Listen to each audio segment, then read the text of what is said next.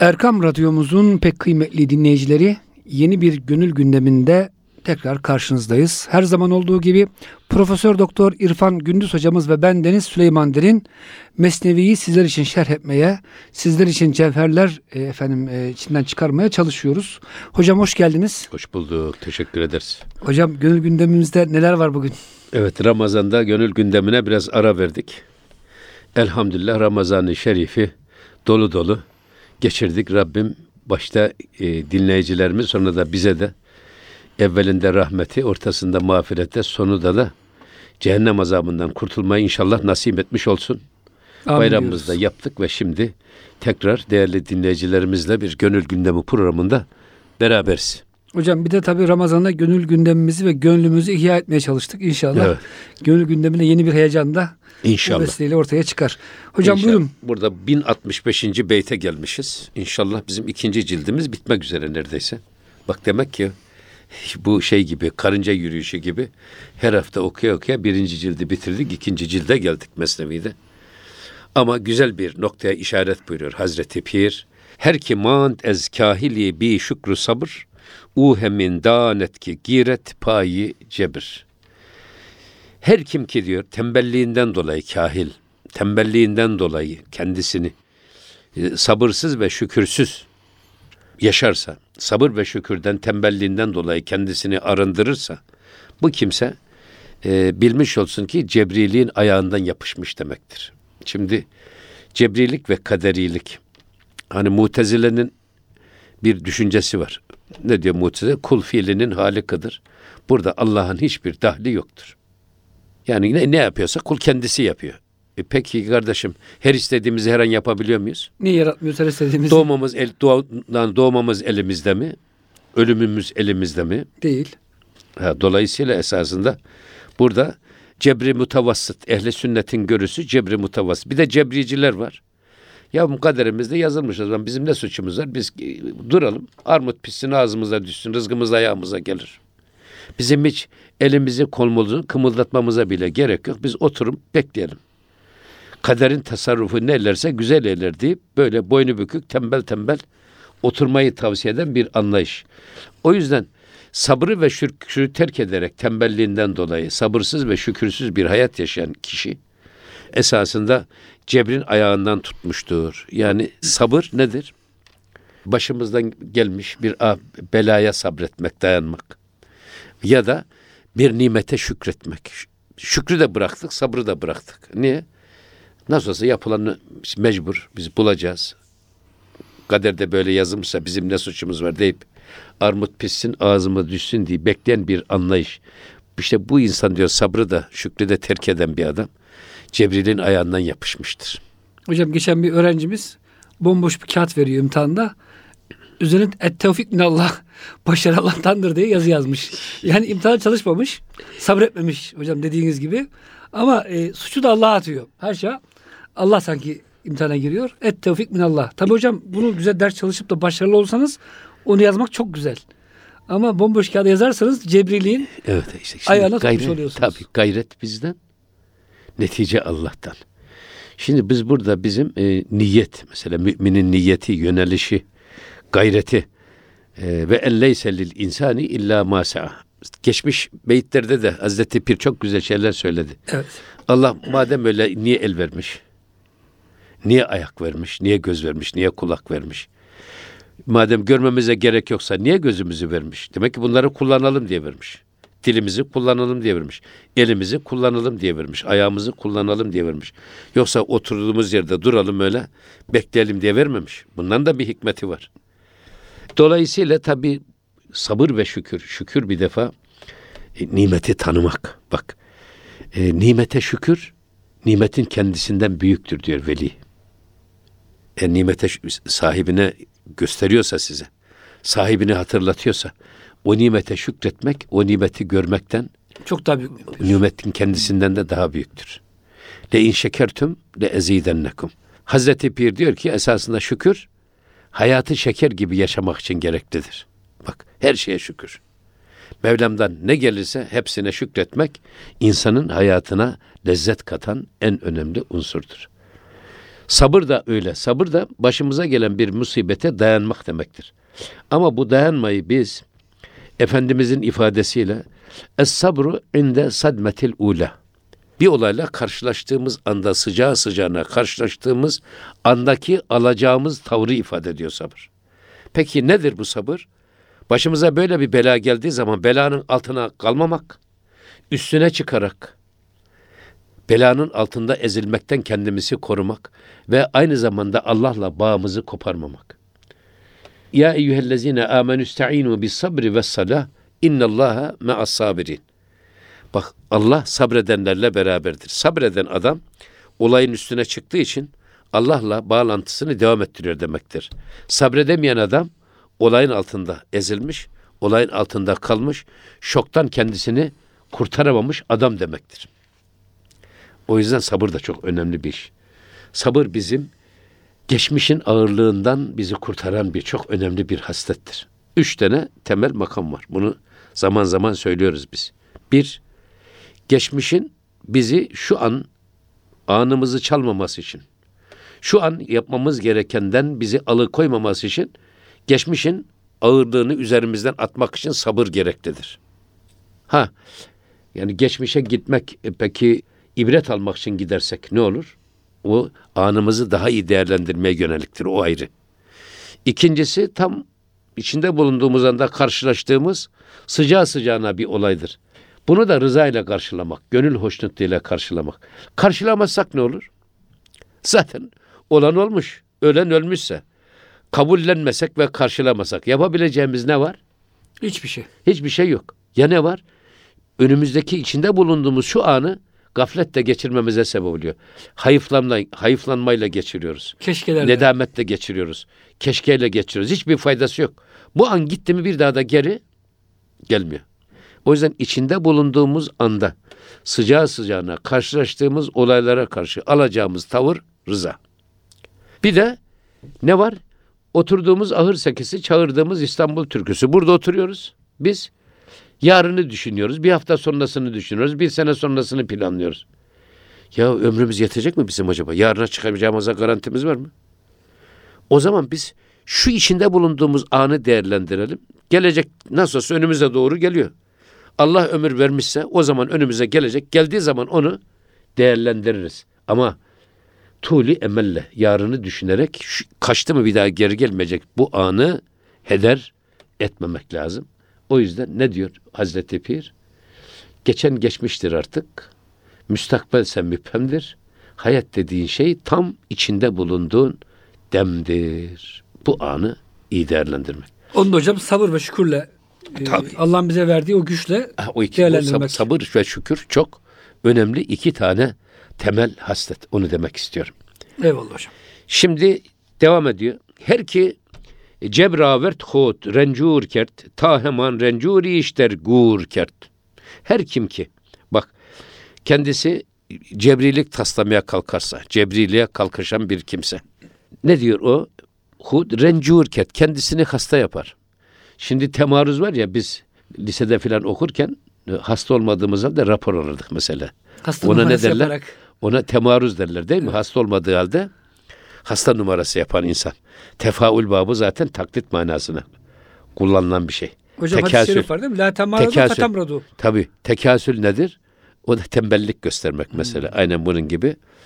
Eğer bir adam da ya bu Cebril'in yolunu tutarak, Cebril'in kendisini zorla, Cebrillik taslayarak eğer şu yaparsa, işten güçten kendisini alıkorsa bu adam kendisini hastalık, hastalık hale getirir. Adam hasta olmadığı halde hastalık zanneden adam da nasıl hastalığı kendisine davet ederse, Cebrillik taslayan adam da gene hasta, bu hastalığı kendisine davet eder. Niye? Mesela Allah bize hareket etmek için el kol ayak vermiş. Biz, biz hiç bunları kullanmadığımız zaman işte zaten kireçten olur. Yani yürümezsek ayağım, ayak alışkanlığımız, yürüme alışkanlığını kaybeder. Elimiz, parmaklarımız oynamaz hale gelir. Siz bir ayağınızı ya da elinizi bir, bir hafta alçı alın. Ne olur? Parmaklarınızı oynatamaz hale geliyorsunuz. Artık kireçlenme başlıyor oynar ve yarı oynar eklemlerin olduğu yerlerde kireçlenmeler başlıyor. Sen de cebriliği istismar ederek, ben cebriyim diyerek vücudu kullanmıyorsun, oturuyorsun tembel tembel. Ne getirir bu? bir sürü hastalığı getirir. İşleyen demir ışılar. Harekette bereket var. Hareket ederseniz sağlığınız da yerinde olur. Efendim sıhhatiniz de yerinde olur. Ama Hocam e, Ethem hocamızın böyle bazen İngilizce tabirleri vardı. Çok güzel şiirimsi bir tabir var. Use it or lose it diyor İngilizler. Ya kullan ya da kullanmazsan onu kaybet. Yani kullanmadığınız her ağza, her hücre zamanla hocam kaybolup gidiyor. Beyin hücreleri de böyle elimiz, ayağımız, kaslarımızla kullanmadıkça eriyip gidiyor. O yüzden hakikaten hocam cebriler kullanmadığı için tabii Allah da o verdiğin nimeti geri alıyor o zaman. tabii geri alıyor. Evet. Madem kulum kullanmıyorsun Evet. ver geri diyor. Evet. Evet. Şimdi yine devam ediyor ki Goft peygamber ki rencuri bela bak. Renc aret ta bemire çun çera. Resul-i Ekrem Efendimiz Hazretleri hasta olmadığı halde yalandan hastaymış gibi davranan kişiye hastalık gelir.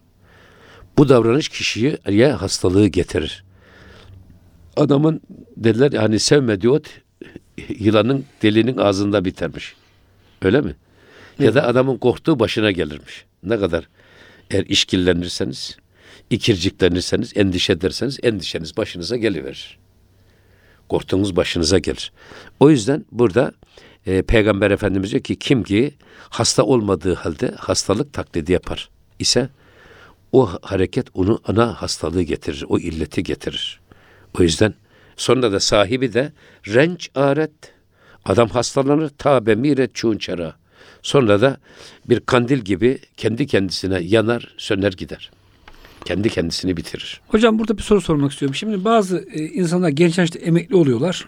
Artık biz emekli olduk deyip ellerini, ayaklarını, beyinden hocam biraz az çalıştırmaya başlıyorlar. Bir süre sonra bakıyorsunuz bu insanlar hasta olup hakikaten çalışırken böyle dinç olan bir kardeşimiz emeklilikte tamamen kendi koyu veriyor ve çok kısa zaman sonra hocam ölüyorlar.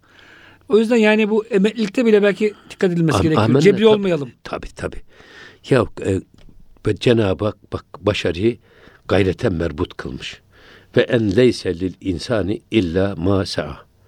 İnsan için çalıştığının karşılığından başkası yoktur. Bir Müslümanın en helal yemeği alın teri, el emeğidir. Öyle mi? E, Eyvallah. dolayısıyla bizim gayret göstermek zorundayız. Yanlış bir tevekkül anlayışına, yanlış bir cebir anlayışına kurban gitmemek lazım. Şimdi bazen bu tevekkül anlayışında da geçen beyitlerde olduğu gibi bu cebir anlayışı yanlış bir tevekküle de bizi götürüyor. Ne demek tevekkül? Ya armut pişsin ağzımıza düşsün nasıl olsa Allah'ın takdir ettiği rızık bizim ayağımıza gelecek.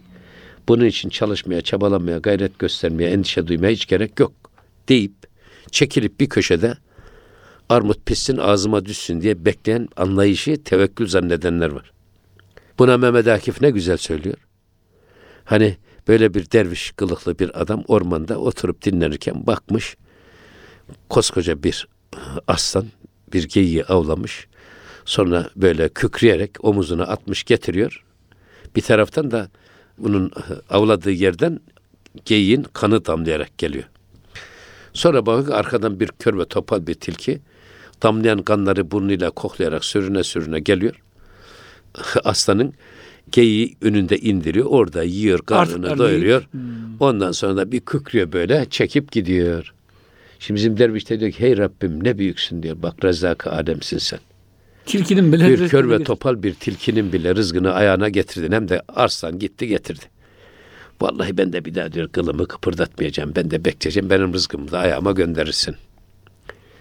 Böyle deyince Mehmet Akif diyor ki çalış da yırtıcı arslan kesil. Behey miskin. Niçin kütürüm topal tilki olmak istersin? Elin kolun tutuyorken çalış kaz- kazanmaya bak. Ki artığınla geçinsin senin de bir yatalak. Ya orada yere damlayan geyin kanını koklayarak sürüne sürüne gelen sen topal tilkiyi taklit edeceğine, onun yolunu benimseyeceğine. Ya ben de bir aslan gibi gideyim bir tane geyik avlayayım. Atayım omuzuma getireyim, yiyeyim içeyim. Artığından da başkası geçinsin diye düşünsen ne olur? Bu anlayış, bak mesela bu şeyde tevekkül anlayışı, özellikle Mevlevi tarikatında geçen beyitlerde de gördük. Tarikatta da çok önemli bir iştir. Tevekkül. Hazreti Pir diyor ki tevekkülü iş yaparken yapın. Allah'ı görür gibi işini, işinizi yaparak tevekkül edin. Yoksa iş yapmadan tevekkül olmaz. Çok en- enteresan bir şey. Bak ihsan duygusuyla yapılan iş tevekkül odur. Yoksa yapmayalım. Oturalım bir kenarda bekleyelim biz. Nasıl olsa başkaları da bizim adımıza çalışıyor. Oradan onların gayretinden de bize bir şey düşer diye beklemek çok aptalca bir iş. Yok böyle bir şey. Ve hocam insan hakikaten zamanla hasta oluyor kısa süre sonra. Tabii. işlemediği Ve- için. Ha, hayatın içinde dervişliği öğütlüyor. Bu önemli bak hayatın içinde. Ricalun la tülhihim ticaretun ve la bey'un an zikrillah. Ne ticaret ne de alışverişin Allah'tan alıkoyamadığı insan olma. Nakşibendi istilahında bunun adı ne olmuş? Halvet der encümen. Halk içinde hakla beraber olmak. Elimizin işte olması ama gönlümüzün oynaşta olması. Elimizin karda ama Gönlümüzün gönlümüzün yarda. olması anlayışı. Bu hayatın içinde bir tasavvuf anlayışını getiriyor. Hazreti Pir gelmiş Konya'da Sarraflar Çarşısı'nın önünde Selahattin Zerkub'un dükkanının önünde semağa girmiş. Niye? Derviş olacaksan sadece dağ başı derviş olma. Dağ başındaki derviş böyle kendi kendine dönen avara gasnak gibi kimseye bir faydası olmaz. Kendisine bir faydası olur. Ama sen gel eğer derviş olacaksan bunu çarşının içinde yap. Hem hocam kuyumcuların Hatta önünde. gücün gücün yetiyorsa bak sarraf dükkanının önünde yap. En çok paranın döndüğü yerde. Ha, Allah'ı görür gibi iş yap. Allah'ın göz önünde yaşa. Allah'ın gözü önünde muhsin olarak yaşa. İmanını o şekilde şekillendir. Bu tevekkül anlayışı sonra bir ekol olmuş tasavvufta. Mesela biz şey halvetiye var değil mi halvetiye?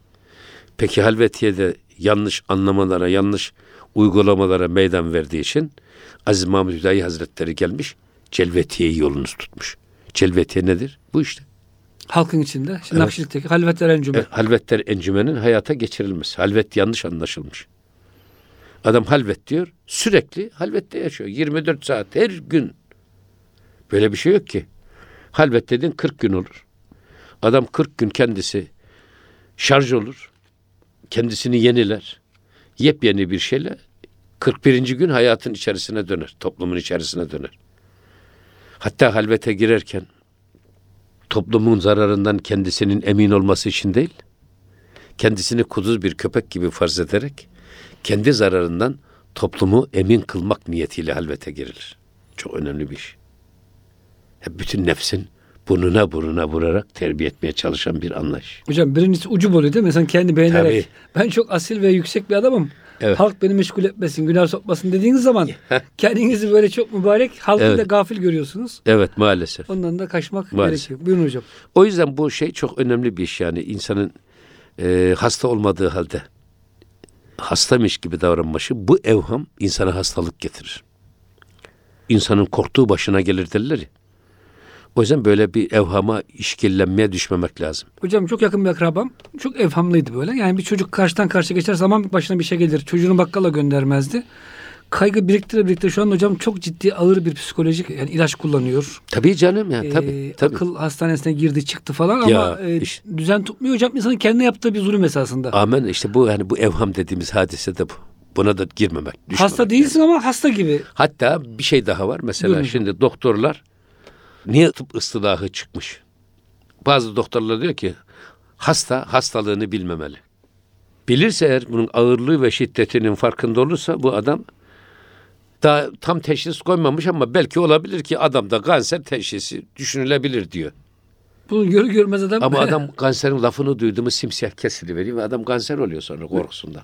e, korkudan ölüyor Bütün hocam. vücudu vücut dengesi allak bullak oluyor. O yüzden diyorlar ki sadece doktorların kendi aralarında anlayacağı bir dil geliştirelim. Buradan Hasta zarar görmesin. ha, bu tıbbi ıstılahlar, terimler ortaya çıkmış. Aynen bunun gibi. Bazıları da diyorlar ki hasta hastalığını bilsin. o da ayrı bir ekol. Ama hani bilsin derken onu da bir öğretmek lazım yani. Nezaketle Ha, söylemek ha- lazım. yani hastalığın alametlerini kendisini bilip de hasta olmamak, buna karşı di- dirençli olmak. Mesela e, bugün kansere karşı en önemli tedavi metodu kişinin ben bunu yeneceğim diye İnanması. o güvene ve imana sahip olması. Bu moral ve motivasyon çok önemli. Hemen yıkılıveriyorsa bir adam zaten hiç lüzum yok ki. Dizlerinin bağı çözülüyor. Rengi sararıyor, simsiyah veriyorsa artık o adamın vücut, vücudunun mikroplara karşı dayanma gücü gittikçe azalıyor ve törpüleniyor. Hocam e, psikolojik araştırmalara gösteriyor ki yüzde 75 insanlar eğer inanırsa hastalığı yenebiliyor. Evet. Ama morali çöküntü içinde olursa basit bir hastalık dahi hocam insanı Tabii ha. Alıp götürüyor. İşte zaten bu biz öyle diyoruz yani. Sadece şey değil, iman Allah'ın bir olduğuna, imanın altı tane şartına iman değil, aynı zamanda insan kendisine de güvenecek. Ben bu hastalığı yenerim. Evelallah. ben bu işi yaparım. Ben bu işi yaparım. Bu iman da önemli. O moral motivasyon sağlıyor. Büyük bir Eyvallah. güç veriyor. O yüzden kişinin bu iradesini zayıflatmaması lazım. Direncini zayıflatmaması lazım. Bunu da çürüten şey evhamdır. Veya cebriliktir. Eve veya Allah'tan cebriliktir. gelmiş. Evet bunlardan uzak durmak lazım. E, ne diyor hocam e, Mevlana Hazretleri cebirle alakalı? Şimdi Devam bak ediyor burada herhalde. cebri şöyle tarif ediyor Evet. esas. Cebir çibut. Bak e, bestene işkestera. Cebir ne demek diyor biliyor musun? Ceb, cebir kırılanı bağlamak demektir. Sınıkçılar var ya hani ayak ayak kırılır, kol kırıldı mıydı? Bağlarlar. Oraya Hmm. işte e, Tahtalarla. tahtadan veya mukavvadan kalıplar koyarak düzgün tutması için bağlarlar ya. Cebir budur diyor. Cebir ne demek? Kırılanı bağlamak veya ya bepey vesten regi e, büksistera ya da kopmuş bir damarı ağzını büzerek kanamayı durdurmaktır. Kanamayı kesmektir. Cebir budur diyor. İkisinde de zorlama var. Zorla. Evet. Bak birisinde kırılmış bir kemiği bağlıyorsunuz. Kırılmış, kopmuş. Ama oraya siz bir cebirle zorlama yapmanız lazım ki ya mukavva ile ya kartonla o düzgün kaynasın. Aksi halde eğri kaynar sonra tekrar kırarlar düzeltirler. Veya kopan bir damarı bağlayarak kanamayı durdurmaktır. Esas cebir budur diyor. Fakat siz gelin çun derin rehpayı hod neşikesteyi. Halbuki senin diyor böyle ayağına kırık değil ama ayağını bağlamışsın diyor yani. şimdi bu şeyler var ya dilenciler. Adam şimdi kolunu bağlıyor. Zannediyor ki kolsuz. Ya da işte dilsiz adam. Sonra dili çözülüyor şeyler zabıtalarını alıp götürürken. İyi Veya adam hocam. ayağını ayağını bağlıyorlar. Şöyle ayağın ayağını adamın bir ayağı yok gibi gözüküyor. Ve burada milletin e, merhametini istismar etme gibi sahte şeylerle dilencilik yapıyor adam. Burada da ona işaret ediyor. Sen diyor bak madem ki daha bu yolda senin ayağını kırmamışsın ama ya diyor. Ayağını bağlamışsın. De ayağın kırık olmadığı halde hani kemikleri bağlı, kırık kemiği bağlamak diyorduk ya. Hiç kırmadan sen ayağını bağlamışsın. Sen kimi aldatıyorsun? Yani. Ya efendim ya da neden diyor ayağını sardın? Kırılmadık ayak sarılır mı hiç? Çalıştırmayınca o manaya geliyor. Kolunu çalıştırmadan kolu var çalışmıyor. Kolu bağlamışsın demek. Yani. Bir. Ayağın var yürümüyor. Ayağını bağlamışsın. Kırık olmadığı halde niye sen bu e, ayağını bağlıyorsun, elini kolunu bağlıyorsun? O organların veriliş hikmeti gayret içindir. Tabi burada bizim sık sık söylediğimiz bir şey var. Evliyaullah diyor ki Cenab-ı Hak her insanın vücuduna organları belli bir ölçü, nispet dairesinde vermiş. Mesela ne kadar el lazımsa o kadar fazla ver, şey, o kadar el vermiş. Fazla da olmayacak, az da olmayacak. Ne kadar göz lazımsa o kadar göz vermiş. Dünyayı ne kadar görmemiz gerekiyorsa o kadar göz vermiş. Fazla da görmeyeceğiz, az da görmeyeceğiz. Ya mikroskop gibi görelim dersek biz. Şu sofradaki ekmeğin üstünde, lokmanın üstünde koyulan mikropları göre göre biz o, o lokmayı nasıl yiyeceğiz? Yok, mikroskop gibi görmek de yok ama hiç görmemek de yok. Ne kadar duymamız gerekiyorsa o kadar kulak vermiş Allah. Ne casus kulağı gibi şu dört duvarın arasında bize söyleyen adamın sövgüsünü duyarak yaşayabilir miyiz? Yaşayamaz. Yaşayamayız. Ya da hiç duymamak da yok. Yani kulağımız ne kadar duyulması gerekiyorsa o kadar kulak.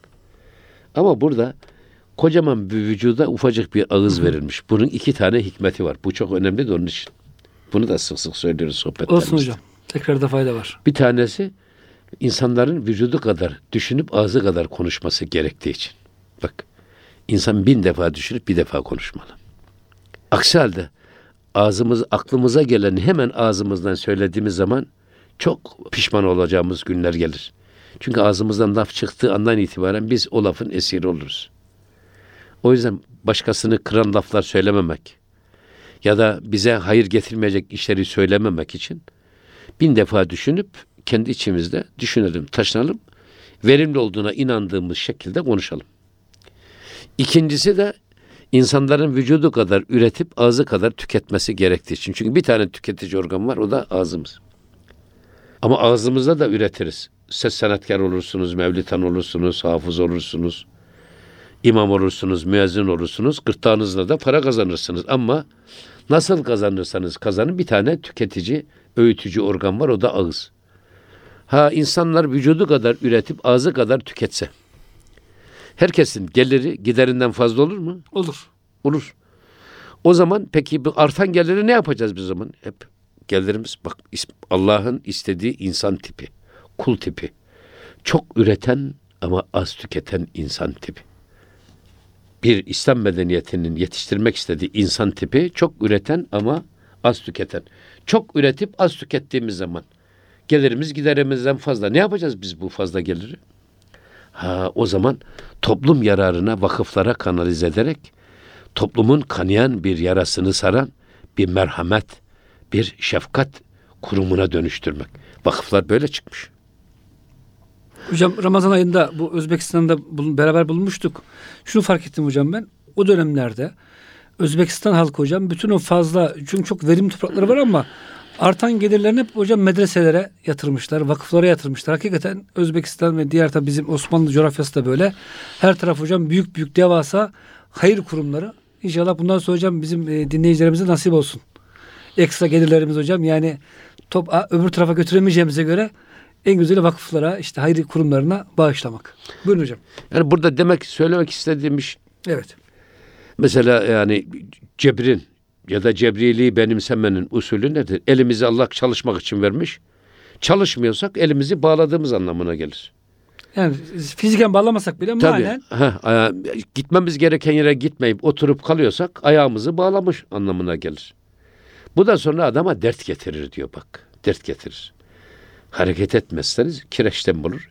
Eliniz oynamaz hale gelir. Ayağınız efendim yürüyemez hale gelir. Diz kapaklarınız bükülmez hale gelir. Bizim bir hocamız vardı İmam Hatip'te Allah sağlık versin. Eğer ibadete eğilmezse bedeniniz, rükûa gitmezse, secdeye gitmezse o beden size hizmet etmez. Etse de kerhen hizmet eder. Öyle derdi. Sonraki hizmet eder.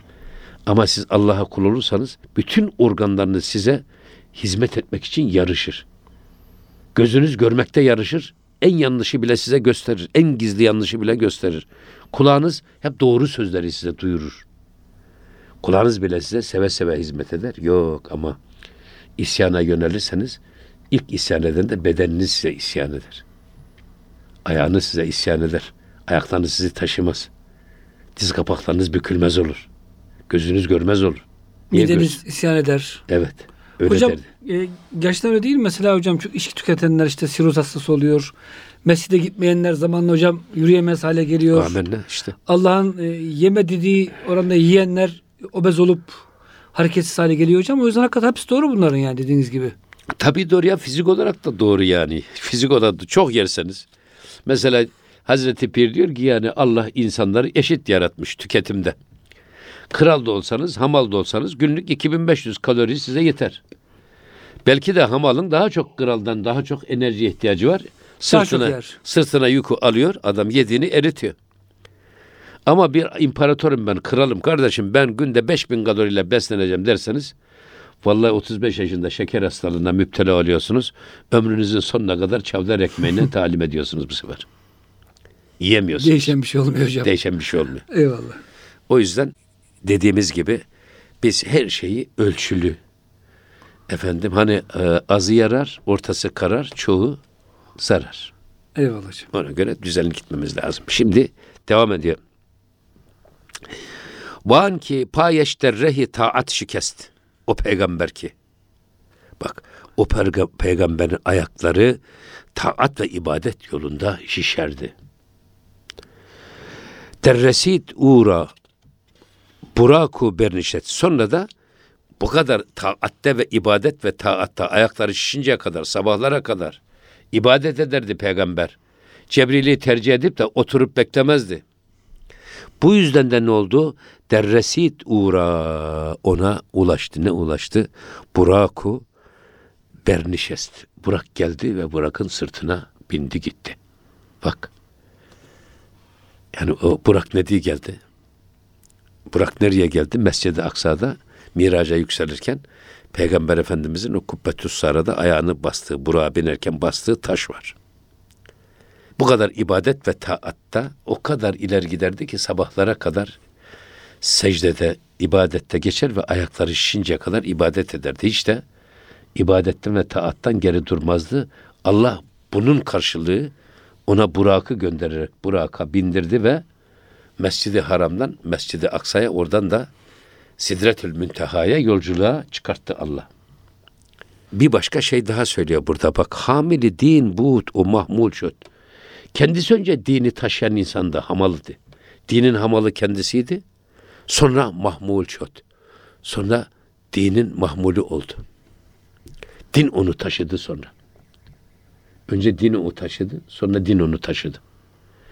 Elem neşrah leke sadrak ve vada'na anke vizrak ellezi enkada zahrak ve rafa'na leke zikrak. Bak biz senin adını kendi adımızla birlikte yüceltmedik mi? La ilahe illallah Muhammedun Resulullah. Eşhedü en la ilahe illallah ve eşhedü enne Muhammeden abduhu ve resulü. Bak ve rafa'na leke zikrak. Seni zikrinde bizim ismimizle beraber yüceltmedik mi diyor Allah. Hamili din iken mahmuli din oldu. Din peygamberi taşıdı. İsmini her tarafa ulaştırdı. Her tarafa ulaştırdı. Bugün biz görmeden sevdik o peygamberi. Görmeden yolunda yürümeye ve e, izinden gitmeye gayret gösteriyoruz. İşte bu nedir? Mahmuli din olmak bu esasında. Hocam bu Allah dostları da işte Hüdayi Hazretleri, Ya. Hacı Bayram Veli Hazretleri, Yunus Emre, aklımıza gelen gelmeyen hocam onlarcası, yüzlercesi zaman hocam dini taşımışlar. Evet. Tekkeyi taşımışlar sırtlarında. Evet. Üstadlar hizmet etmişler. Bugün bakıyorsunuz ki onların isimlerini Evet. herkes seve seve hocam taşıyor. Taşıyor. Evet. Aynı şey. Aynı şey evet dediğiniz E, gibi. kabili ferman buğut o makbul şöt. Önce vahyi alabilecek kıvamdaydı. Sonra o başkalarına emir verecek hale geldi. Önce emir aldı sonra Önce emir verdi. emir aldı, sonra emir verecek hale geldi. Ve ma ataakumur rasulü fehuzuhu ve ma nehakum anhu fentehu. Öyle değil mi? Hocam bizde bazen O sizi ne verdiyse Hmm, onu alın. alınız. Size neyi yasakladıysa ondan da kaçınız. onun emrini tutun yani. Tabi etiullaha ve etiur rasul. Ayet-i kerime bunlar hep. Ve men yuti'illaha ve men yuti'ir rasule fakat eta'allah. Öyle değil mi? Resul'e itaat eden Allah'a Evet. itaat etmiş olur. Ve ma yantıku anil heva in huve illa vahyun yuha. Böyle pek çok ayet-i kerime var. Ama şimdi bu ayetleri bir kenara koyarak efendim kendilerini efendim ya işte bu peygamberde kim oluyor? O da bizim gibi bir insan diyerek küçümseyen. Onlardaki hürmet ve tazimi, tazim duygusunu bizim gönlümüzden ve yüreğimizden silmeye çalışan bir zibidi bir anlayış var bu. O da yeni çıkmış bu hocalar. Yeni tip proje hocalar çıkmaya çalışıyorlar. O yüzden bu yola kesinlikle girmemek lazım. Ben o yüzden söz edil programında da söyledim. Siz Allah'a ne kadar takdis ederseniz, ne kadar yüce bilirseniz o kadar emir ve yasakları sizde etkili olur. Kur'an-ı Kerim'i ne kadar yüceltirseniz okuduğunda o Kur'an-ı Kerim'in etkisi sizde daha fazla olur. Peygamberi ne kadar yüceltirseniz onun emir ve yasakları sizde daha etkili ve tutulur olur. Ya bunları küçümsediğiniz an kaybeden siz olursunuz. Onlar onlar hiçbir şey kaybetmez. Ne peygamber kaybeder, ne Kur'an-ı Kerim kaybeder, ne de haşa Cenab-ı Hak kaybeder. Kaybeden kim olur? Biz oluruz. O yüzden Sübhaneke'yi, Sübhaneke ile başlayan zikirler en makbul zikirlerdir.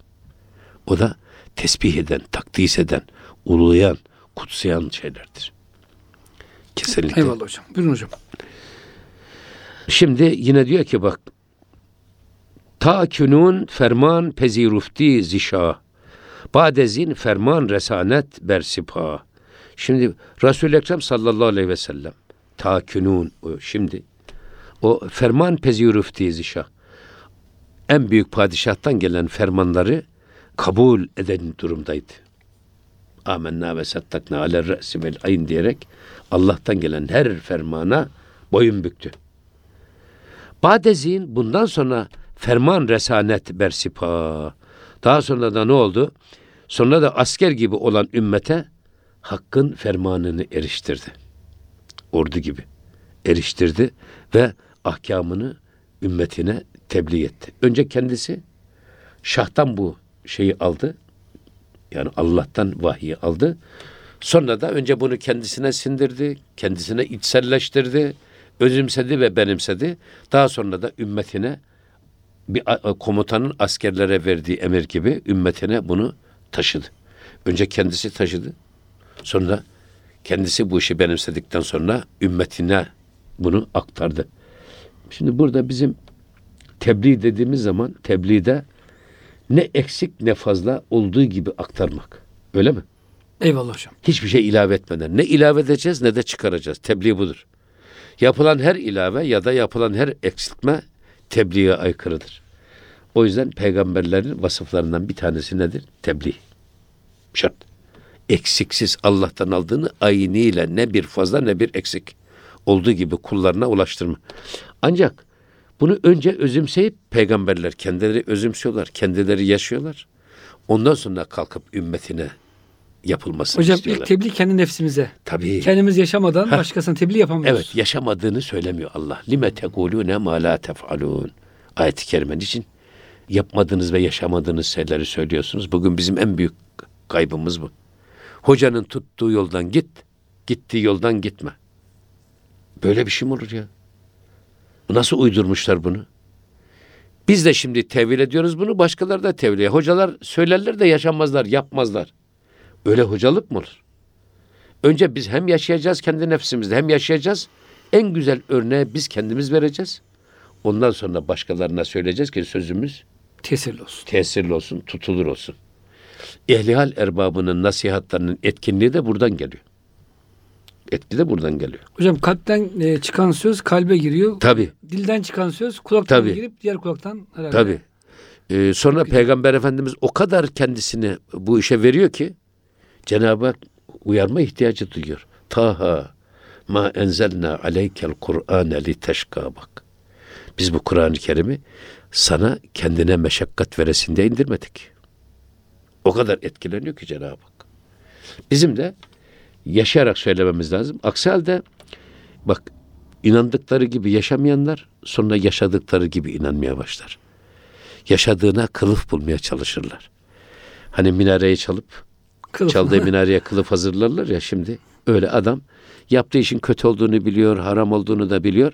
Sonra kapı kapı hoca arıyor ki acaba bu yanlışına fetva verecek bir böyle zıp çıktı bir hoca bulabilir miyim diye. Olduğun gibi görün. Tabii canım. Göründüğün gibi ol diyor Mevlana Hazretleri. Evet. Hocam e, son bir sözünüz varsa alalım. İnşallah haftaya devam edeceğiz. Ha, bu, yani burada da söylemek istediğimiz bu önce bizim önümse, özümsememiz lazım. Bizim benimsememiz lazım. Bildiğimizi önce bizim yaşamamız lazım. Ondan sonra başkalarına söyleyecek hale gelelim. Aksi halde yaşamadığımız şeyleri söylediğimiz zaman çevremizdeki insanlardaki etkinliğimiz azalır, sıfırlanır. Onu Eyvallah. Hocam çok teşekkür ediyoruz. Elinize, gönlünüze, dilinize sağlık. Muhterem dinleyicilerimiz gönül gündeminde bize verilen sürenin e, sonuna gelmiş olduk. Önümüzdeki hafta kaldığımız yerden devam edeceğiz. Lütfen bizi takip etmeye devam edin. Bir sonraki programa kadar hepinizi Rabbimizin affına, merhametine emanet ediyoruz. Hoşçakalın efendim.